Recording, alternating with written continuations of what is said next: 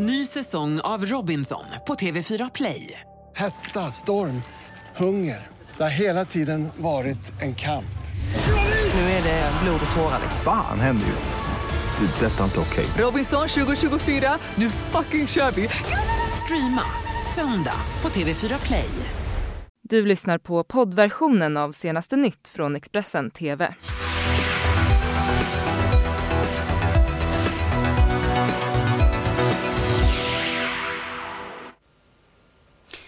God morgon, det här är senaste nytt med mig Lisa Silver och det här är våra rubriker.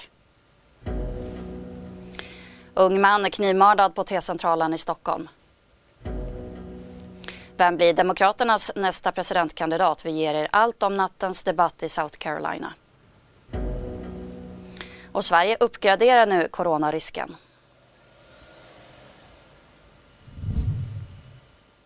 Vi inleder med ett misstänkt mord i Stockholm. Det var vid 21.30-tiden igår kväll som en ung man blev knivskuren på perrongen i T-centralen i Stockholm. Enligt uppgifter till Expressen så ska den här mannen ha dött av sina skador. Den skadade mannen hittades mellan T-centralen och centralstationen och fördes med sjuk till sjukhus med stickskador i bålen. Ytterligare en ung man fick lindriga skador. Han ska ha varit på platsen i sällskap eh, med den skadade mannen som eh, senare då fördes hem till en förälder.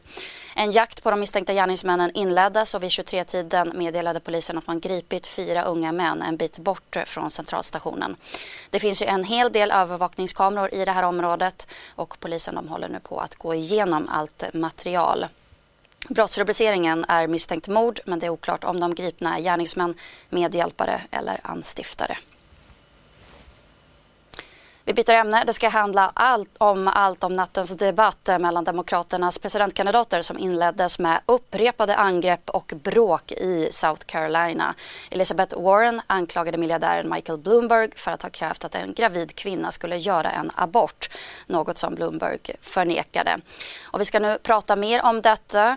We will now be talking with the CNN's reporter in South Carolina, Nadia Romero. Thanks for joining us here on Expression TV. Um, who would you say came out on top in this debate?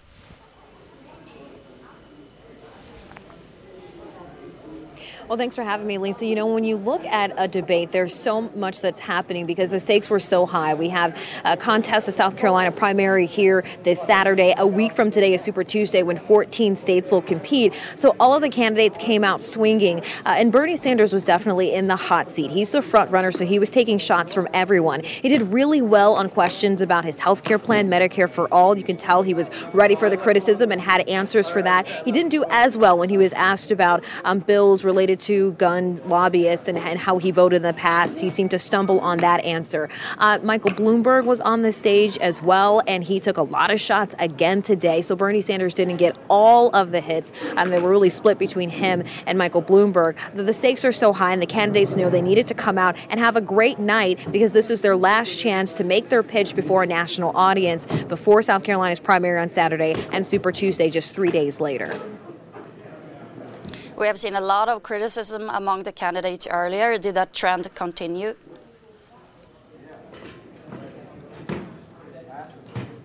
Absolutely, Lisa. You know, people on the debate stage, their surrogates, their staffers, before we got to the debate, they've been swinging at each other because they know that Bernie Sanders is the front runner. And I think a lot of people might have been surprised with how well he did in Nevada. So he won the popular vote in Iowa, won outright in New Hampshire, then won by a large margin in Nevada. Coming into South Carolina, Joe Biden is the front runner, but Bernie Sanders is gaining ground in second place. And so that has a lot of people worried. And so we heard all week leading up to the debate and on the debate stage tonight, people questioning uh, does he have a way to pay for all of these plans and these campaign promises he's making? And they've been criticizing him for being democratic socialist. We've heard that time and time again on the debate stage. The other Democratic candidates say that if he wins the nomination, uh, he will not be able to go up against President Trump. You also heard Elizabeth Warren uh, taking shots at Michael Bloomberg, questioning him over his stance uh, about the housing crisis and saying that that was because of redlining, uh, and just really pointing out some uh, negatives about his campaign. They did not hold back tonight. Lisa? Is there anyone who perhaps have a worse position going forward now after this debate?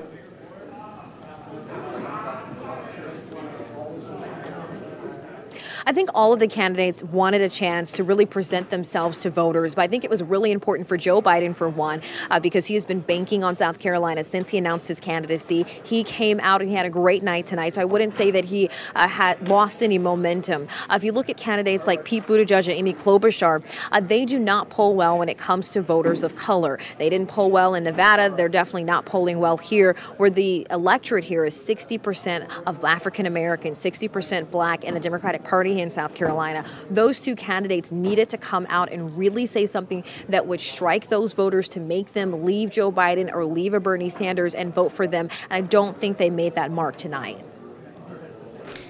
Nadia, what can we expect of the Super Tuesday next week?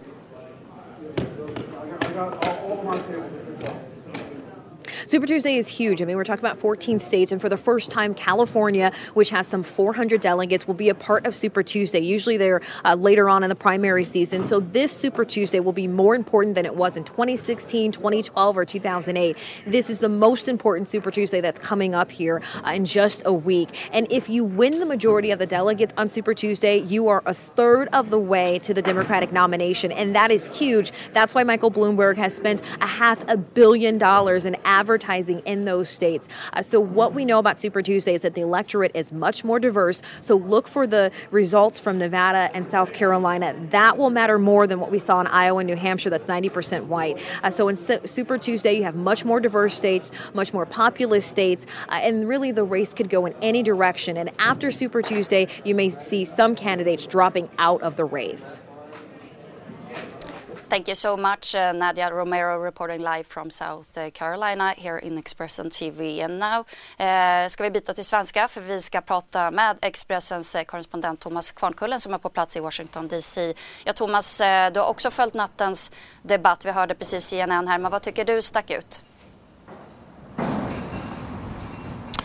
Det här var helt klart den eh, hetaste debatten vi har sett mellan de demokratiska presidentkandidaterna. Eh, det var närmast eh, kaotiskt vid vissa tillfällen. Kandidater som avbröt och pratade i munnen på varandra Eh, och eh, höll sig inte till debattreglerna, klagade på debattreglerna så att det var eh, en ganska turbulent debatt som vi har följt här idag. Det var som, som sagt gott om angrepp mellan kandidaterna också. Främst då mot favoriten Bernie Sanders som har dragit ifrån övriga kandidater Eh, efter Iowa, New Hampshire och eh, Nevada.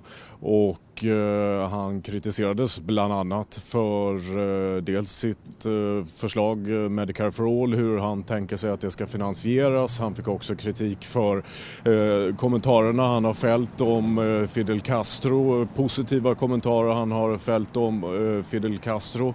Men det var också Michael Bloomberg, miljardären, som stod i skottlinjen, främst då från Elizabeth Warren som tidigare har kritiserat honom. Ikväll så handlar det bland annat om eh, det som Bloomberg har kritiserats för tidigare, nämligen hur kvinnliga anställda i hans företag har behandlats. Eh, och Elizabeth Warren tog upp eh, anklagelser som har varit kända sedan tidigare att Michael Bloomberg ska ha sagt till en kvinnlig anställd som väntade barn att Eh, han eh, skulle ha sagt kill it helt enkelt, vilket eh, Bloomberg förnekade att det stämde. Men sammanfattningsvis kan man säga att det är helt klart mycket, mycket tydligt att det är mycket som står på spel för flera av kandidaterna nu. Verkligen. Och Thomas, vad väntar då nu på lördag i South Carolina och även på Super Tuesday nästa vecka? Ja, det som blir intressant att se i South Carolina det är hur det går för Joe Biden som ju under en väldigt lång period varit storfavorit i hela det här eh, racet. Det har inte gått särskilt bra för honom i de första delstaterna men Joe Biden har eh, haft ganska mycket tilltro till väljargruppen i South Carolina som eh, Eh, ju är en stor del afroamerikaner som eh, har stått bakom Joe Biden under en eh, lång period. Tittar man på opinionsmätningarna så ligger Joe Biden fortfarande i toppen men Bernie Sanders har knappat in. Eh, så att det blir en av de spännande saker att titta på. Det finns de i amerikanska medier här som menar att om eh, Joe Biden inte skulle vinna i South Carolina, ja, då är det, finns det väldigt stora frågetecken kring om han kan eh, fortsätta eller om han måste eh, dra sig ur den här kampen. Och sen är det då Super Tuesday, supertisdagen på tisdag som blir eh, mycket viktig. Det är många delstater som röstar. Det är omkring 40 procent av rösterna som avläggs då. Då kommer det sannolikt bli betydligt tydligare vilka av kandidaterna som kommer tvingas dra sig ur. Stort tack eh, Thomas Kvarnkullen för att du var med oss eh, här i Expressen TV och rapporterade alltså live från Washington DC. Vi går vidare med fler nyheter för risken för att coronaviruset kan sprida sig här i Sverige den uppgraderades, uppgraderades igår av Folkhälsomyndigheten. Den biträdande statsepidemiologen eh, Anders Wallsten förklarar här varför. Det är på grund av skeenden i omvärlden där vi ser spridning i Italien, Iran och, och framför allt, det är väl de länder som har också, att de länderna har mer resande till Sverige. Eh, vilket då påverkar risken att någon ska dyka upp i Sverige med infektionen. Mm. När man läser information om coronaviruset på Folkhälsomyndighetens hemsida så står det ju sedan tidigare då att man bedömer risken för spridning som mycket låg. Har man varit för naiv i det här sedan tidigare? Nej, om du ser det är en viss skillnad. Det vi har graderat upp är då risken att någon skulle komma till Sverige med, med och vara infekterad. Den bedömer vi nu som hög. Den, det bedömde vi tidigare som en måttlig risk. Däremot så tror vi fortfarande inte att det, att det behöver bli någon allmän spridning i Sverige utan den risken betraktar vi som låg, även om det också är höjt från mycket låg till låg. Mm. För alla de som tittar på det här nu då, hur ska man tänka som svensk? Bör man vara orolig på något sätt? Nej, alltså oro känner inte mycket till. Det bästa är att vara informerad. Utan, och, eh, så ska man ut och resa, läs på vad som gäller, följ eh, de instruktioner som finns i landet dit man kommer om man reser. Och om man kommer hem från ett land där smittan förekommer så ska man ju eh, ringa 1177 om man får symptom. Det är det viktigaste. Elma och eh, Irma Usto var systrarna som ständigt fanns eh, vid varandras eh, sida. Båda miste livet när en bil kraschade på E20 i Göteborg för en dryg vecka sedan. Igår så begravdes de tillsammans och för systrarnas syssling Elma Blasevic så är det fortfarande overkligt att de är borta. Elma var lite mer den temperamentsfulla, bestämda tjejen och Irma var lugn och sansad men ehm, de tog alla med storm. Eh, det var så omtyckta, så mycket vänner och så stort bekantskap. Så det, jag tror att vi alla säger samma ord. De var två helt fantastiska systrar. Systrarna Elma och Irma Usto var alltid tillsammans. På tisdagen begravdes de sida vid sida på Kvibergs kyrkogård. Båda miste livet när en bil kraschade på E20 i Göteborg i mitten av februari. Bilen de färdades i körde in i en betongpelare vid Olskogsmotet. I kraschen omkom även en kvinna och en man, även de i 20-årsåldern. Ett par hundra personer tog farväl av systrarna under tisdagen. Det är eh, en enorm smärta. Det är så tragiskt det som har hänt. Eh, och det har varit en tuff stämning. Det har varit tungt att vara här idag och det är mycket människor som har varit här eh, och tagit ett sista farväl. Eh, men ja, det är, en, det är en stor och lång process, det här sorgearbetet. Hur, hur gör ni familjen för att hjälpa varandra?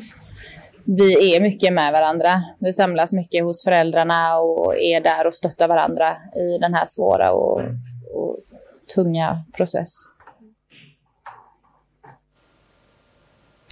Vi på redaktionen tackar nu för oss men vi är strax tillbaka så fortsätt titta på Expressen TV. Du har lyssnat på poddversionen av senaste nytt från Expressen TV. Till förordnad ansvarig utgivare är Klas Granström. Ett poddtips från Podplay. I podden Något Kaiko garanterar östgötarna Brutti och jag, Davva, dig en stor dos skratt. Där följer jag pladask för köttätandet igen. Man är lite som en jävla vampyr. Man har fått lite blodsmak och då måste man ha mer.